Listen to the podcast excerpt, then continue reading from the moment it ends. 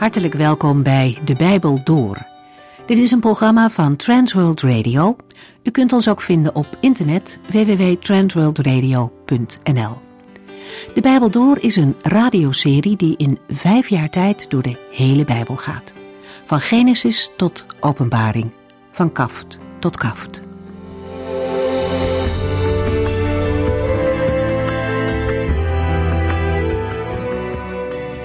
We gaan ook vandaag weer verder met de psalmen.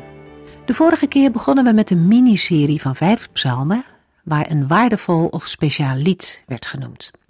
De precieze uitleg van het Hebreeuwse woord is onzeker, maar het ligt in de richting van een waardevol lied. Psalm 56, de eerste van de serie, heeft David geschreven toen hij door de Filistijnen ontmaskerd dreigde te worden in Gat, Enerzijds spreekt hij over de grote dreiging van de Filistijnen, die zo heel dichtbij komt. Anderzijds klinkt telkens zijn vertrouwen op de Heere door. Die twee, nood en vertrouwen, kunnen samen opgaan. David worstelt niet in zijn eentje met al zijn moeite. Hij beseft dat het niet voorbij gaat aan de Heere. Zo herinnert David de Heere aan al zijn tranen. Maar, zegt hij erbij, zij staan in uw boek genoteerd. David weet dat zijn verdriet bekend is bij de Heere en niet vergeten wordt. En veel later zal de Heer Jezus in de bergreden zeggen dat de mensen die treuren getroost zullen worden. Hij noemt hen zelfs zalig. En dat kan hij omdat hij weet van de troost die God zelf zal geven als hij eens alle tranen zal drogen. Psalm 57 werd geschreven door David toen hij vluchtte voor Saul. De tegenstand is groot, deze keer vanuit zijn eigen volk. David is in dit lied steeds stelliger in de manier waarop hij zijn vertrouwen op de Heere uitspreekt. Hij eindigt met een lofprijzing over Gods liefde en goedheid, die hoger dan de hemelen reiken of, anders gezegd, groter zijn dan mensen kunnen bevatten. De volgende psalm spreekt over het thema recht en onrecht. De dichter, David, ziet veel onrecht om zich heen. Het zit diep geworteld in de mensheid. En toch is er een gebed om geen genoegen met onrecht te nemen. In het Nieuwe Testament ligt de nadruk op voorbeden voor vijanden in plaats van de vraag om wraak. Maar in alle tijden is het echter zo dat de Heere onrecht haat en van mensen vraagt om elkaar rechtvaardig te behandelen. Uiteindelijk zal God zelf recht doen op aarde. En David eindigt met een verwijzing naar dat vooruitzicht. Iedereen zal dan bevestigen dat er toch een beloning is voor wie God volgt. Er is op aarde maar één God en hij zorgt voor recht en gerechtigheid. We lezen verder vanaf Psalm 61.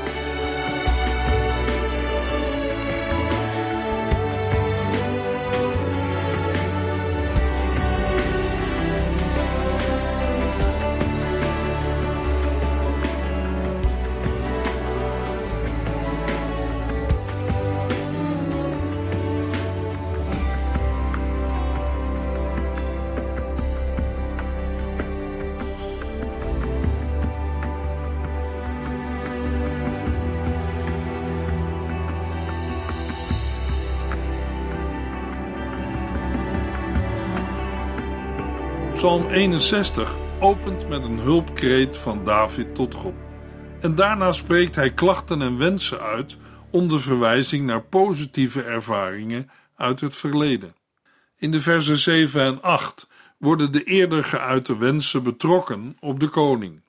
Het geheel wordt afgesloten door een dankgelofte in vers 9.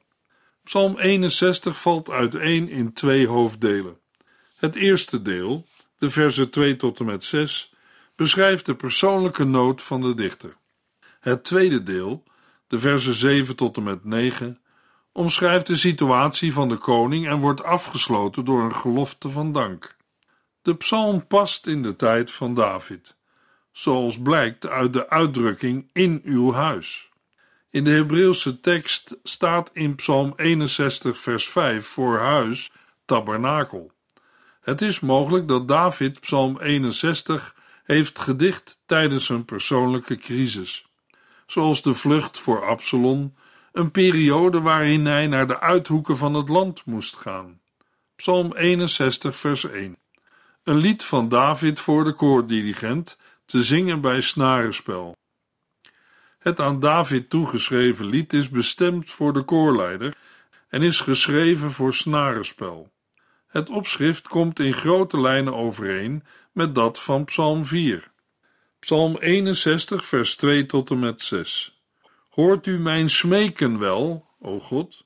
Luister toch naar mijn gebed. Vanuit de verste uithoek van het land roep ik u. Ik kan niet meer. Wilt u mij naar een plaats brengen waar ik zelf niet kan komen? Een plaats waar ik veilig ben? U hebt mij immers altijd beschermd. Bij u schuilde ik altijd tegen de vijand. Laat mij toch altijd in uw huis mogen blijven. Laat mij bij u mogen schuilen, veilig onder uw vleugels. O God, u hebt mijn geloften gehoord. Al uw volgelingen ontvangen uw erfenis. Psalm 61 begint met een smeekbede, waarin David de Heere nadrukkelijk vraagt te horen naar zijn gebed. Dat hij zich in benarde omstandigheden bevindt, blijkt uit het feit dat hij zich in een uithoek van het land bevindt. Geïsoleerd en zonder hulp verklaart de dichter dat hij niet meer kan. Ver van het heiligdom en ver van mensen die hem kunnen helpen, voelt hij zich intens eenzaam. In zijn gebed vraagt David de Heere hem te leiden naar een plaats waar hij zelf niet kan komen. David doelt hiermee wellicht op een veilige plek in de bergen, die hij niet in eigen kracht kan bereiken. David onderbouwt zijn gebed met een terugblik op Gods daden in het verleden. Psalm 61, vers 7 en 8. Geef de koning een lang leven en laat zijn nageslacht altijd regeren. Geef dat hij u ook altijd trouw zal volgen. Laten uw goedheid, liefde en trouw hem altijd beschermen. In dit gedeelte spreekt de dichter niet meer in de eerste persoon enkelvoud, maar in de derde persoon over de koning van Israël. We gaan ervan uit dat David over zichzelf spreekt.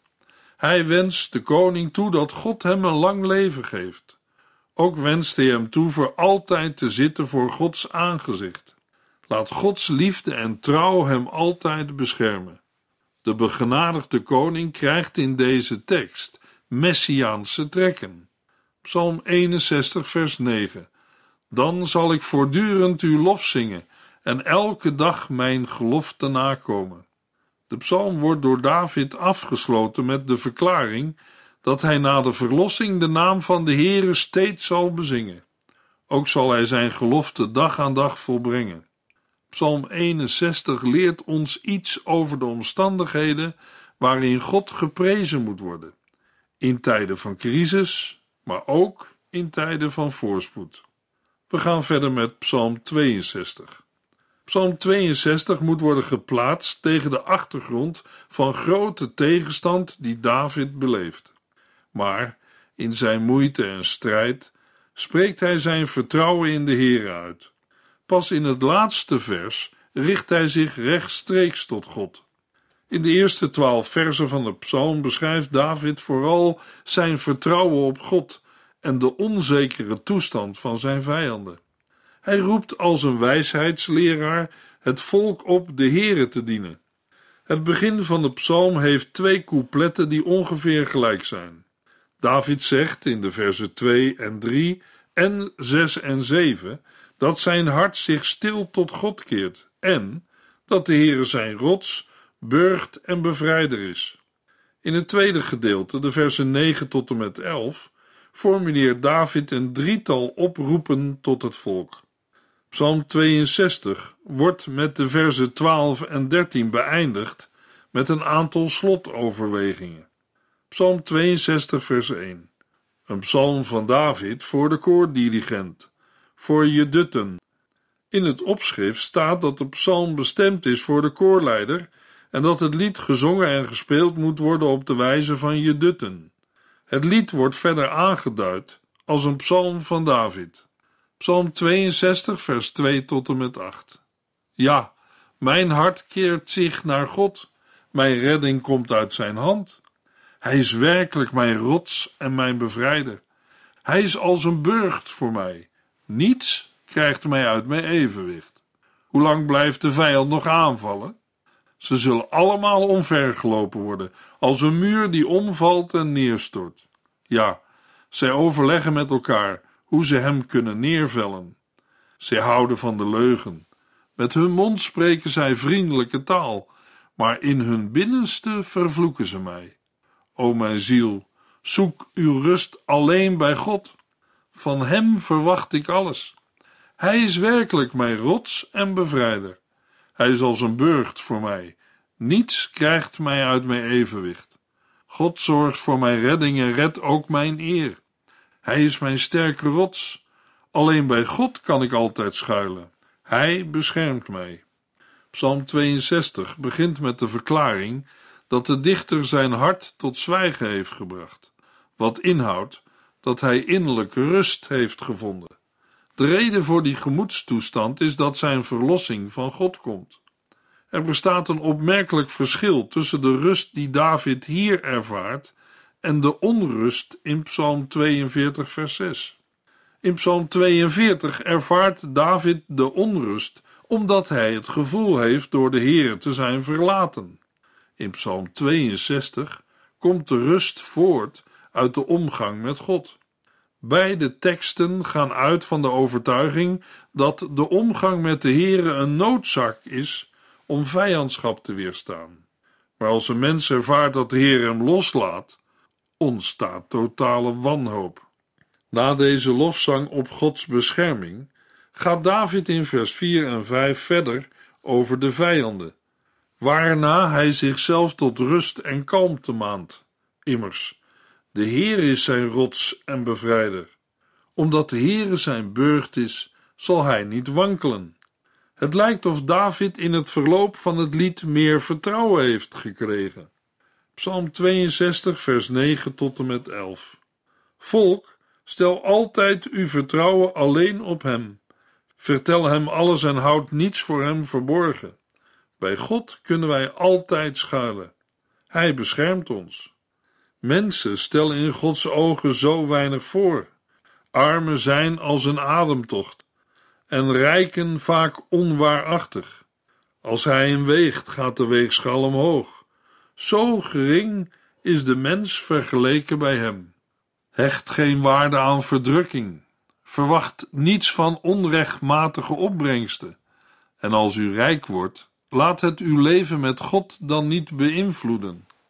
Na de betrouwbaarheid van de Heere te hebben bezongen, richt David zich met een aantal oproepen tot het volk.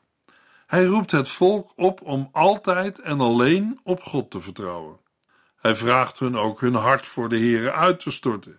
Hiermee bedoelt hij dat de Israëlieten alles wat in hun hoofd en hart is, dus al hun zorgen en zonden, voor de Heere moeten neerleggen. Nadat David over God heeft gesproken, beschrijft hij in vers 10 de broosheid van het leven.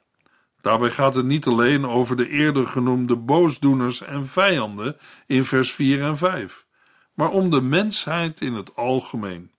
Het gaat hier primair om het contrast tussen de Heere en de mens. In vergelijking met God is een mens niets waard en onvoldoende betrouwbaar.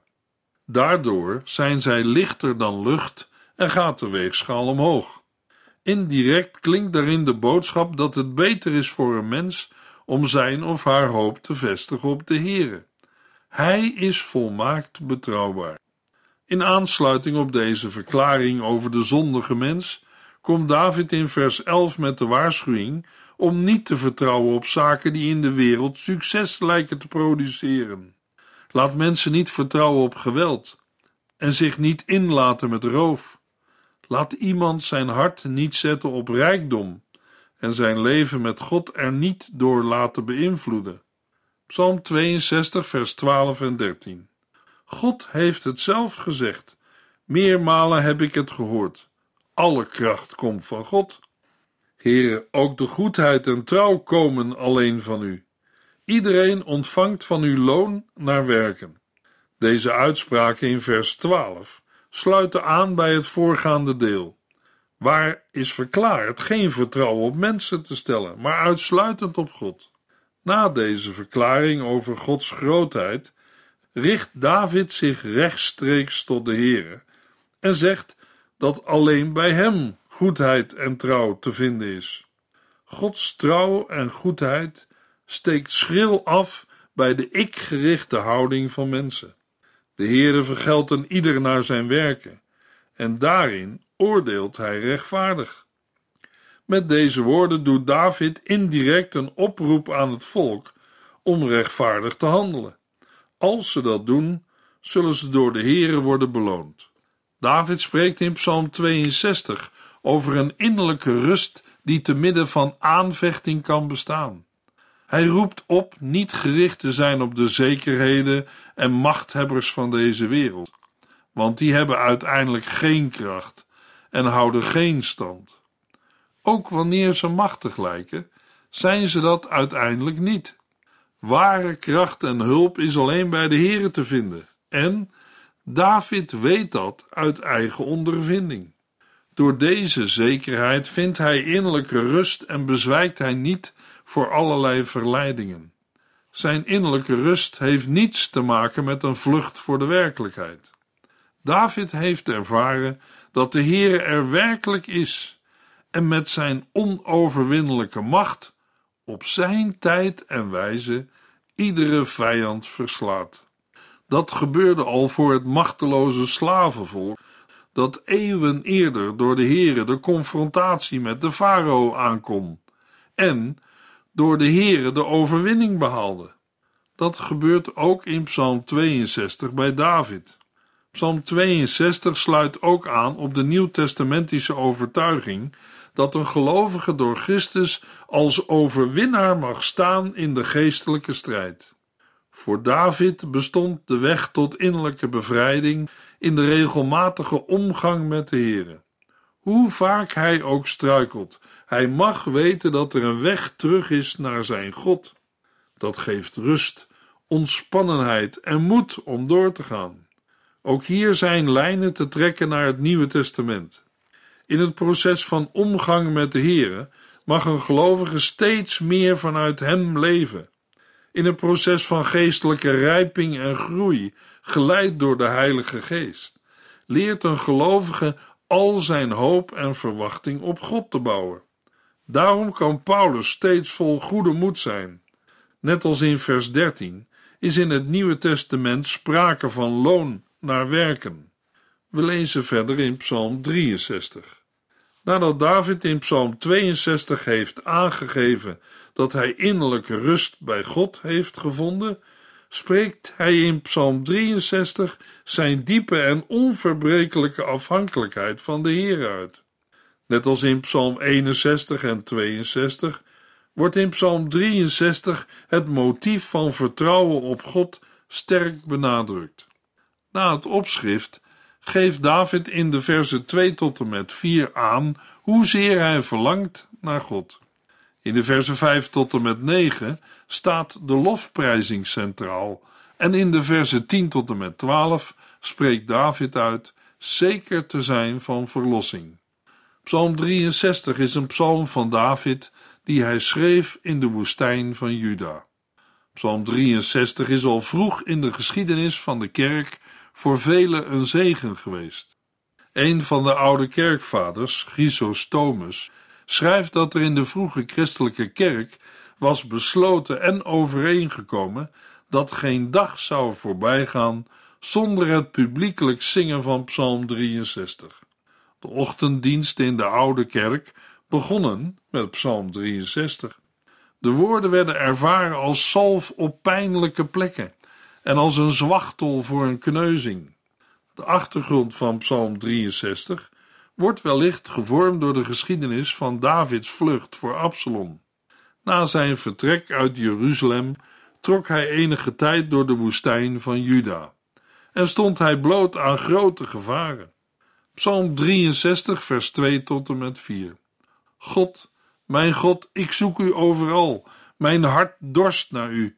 Ook mijn lichaam verlangt naar u in dit dorre, droge land, waar geen water is. Ik heb u in uw heiligdom gezien. Ik zag uw kracht en majesteit. Uw goedheid en trouw overtreffen het leven zelf.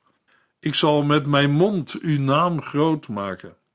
David begint direct met het aanroepen van de Heere. Nadat hij zijn verlangen naar God heeft omschreven, vertelt David dat hij God heeft gezien in het heiligdom. Deze ervaring brengt David tot een bijzondere omschrijving van de mate waarin hij de Heere lief heeft. Hij zegt: Uw goedheid en trouw overtreffen het leven zelf.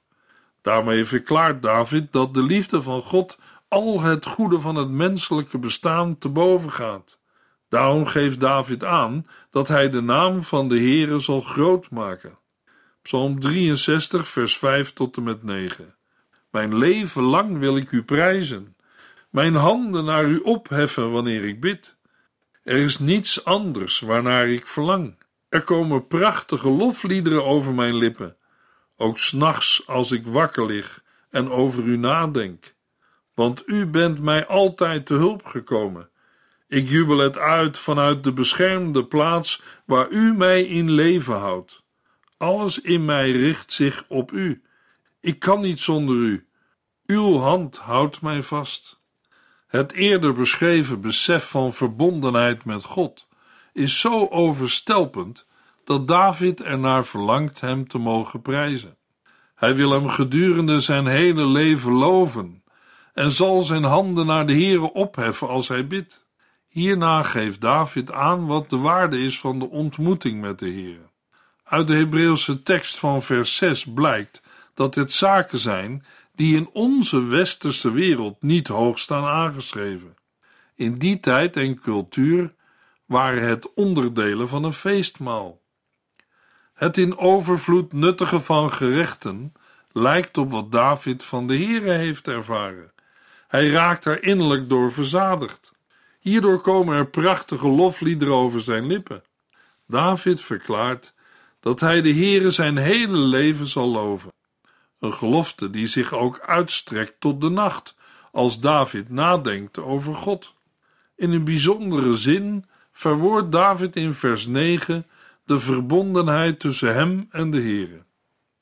Hij kan niet zonder de Heere. En Gods hand houdt hem vast. Ook voor ons is dat een grote troost. Wij houden niet de hand van de Heere vast, want dat is wankel en onzeker. Maar de Heere houdt onze hand vast en niemand rooft ons uit zijn hand. Toen David in vers 8 en 9 over Gods hulp en bescherming sprak, gaf hij daarmee indirect aan dat er gevaren en vijanden moeten zijn. In vers 10 spreekt hij de verwachting uit dat degenen die zijn leven proberen te vernietigen, terecht zullen komen in de diepten van de aarde. Ook verwacht hij dat deze mensen zullen omkomen door het zwaard en ten prooi vallen aan de wilde dieren. In vers 12 spreekt David uit wat er met hemzelf zal gebeuren. Wanneer we Psalm 63 verbinden met het gegeven dat David op dat moment vluchtte voor Absalom en dat hij niet meer kon regeren vanuit Jeruzalem, wordt de actualiteit van zijn woorden duidelijker. Ondanks het feit dat hij niet meer wordt erkend als koning van Israël, zal de Heer hem uiteindelijk zo bevestigen dat hij zijn taak met grote vreugde zal vervullen. Want de Heere brengt de leugenaar tot zwijgen. Door het werk van de Heilige Geest wil God ervoor zorgen dat een gelovige in toenemende mate naar de Heere verlangt. We gaan verder met Psalm 64, 65 en 66. We noemen de hoofdzaken van deze psalmen en vatten die kort samen. Nadat David in Psalm 63 zijn vertrouwen op God uitsprak en overtuigd was van de overwinning op de vijanden, gaat Psalm 64 dieper in op de strijd met de tegenstanders. Het lied kan het beste worden aangeduid als een smeekpsalm, waarin in vers 2 en 3 wordt gevraagd om ontferming en in vers 4 tot en met 7 geklaagd over vijanden.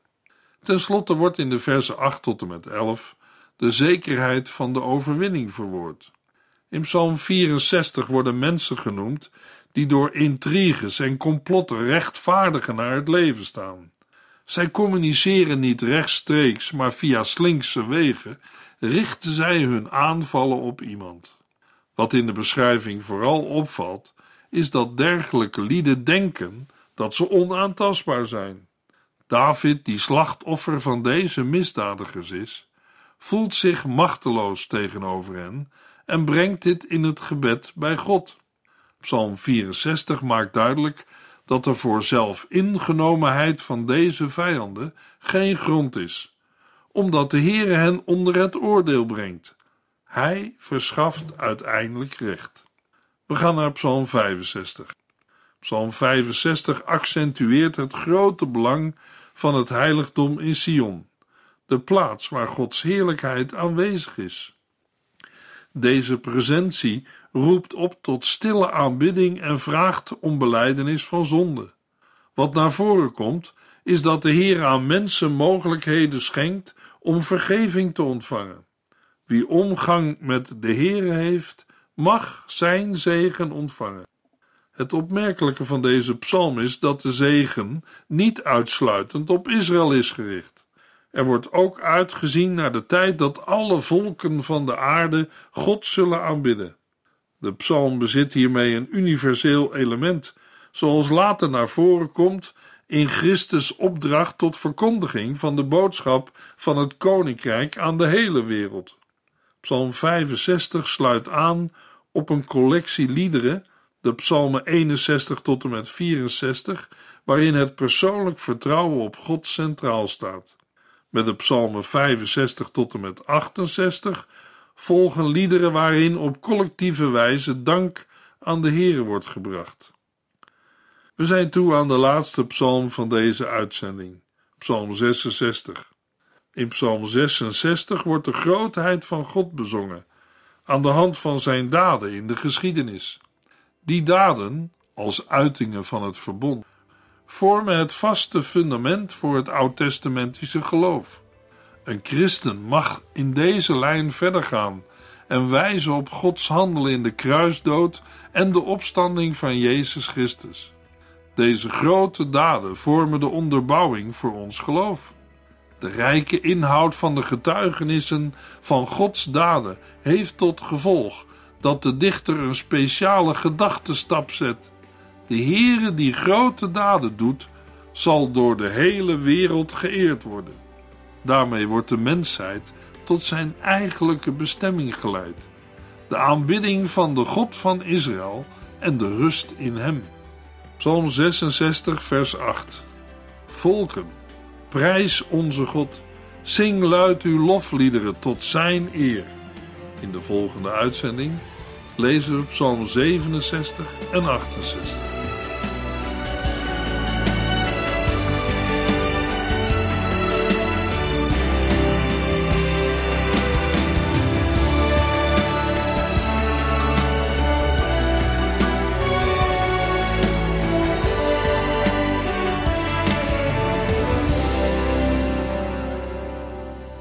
Eindigt deze aflevering van De Bijbel Door.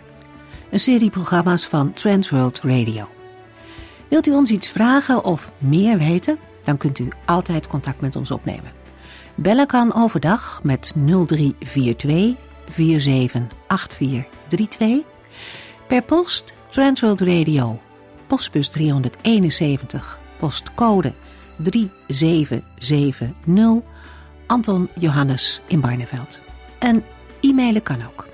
De Bijbel door at transworldradio.nl En natuurlijk ook via onze website transworldradio.nl Dit programma werd gepresenteerd door Cor Weda en Ike André. En namens iedereen die er nog meer aan meegewerkt heeft, graag tot de volgende keer.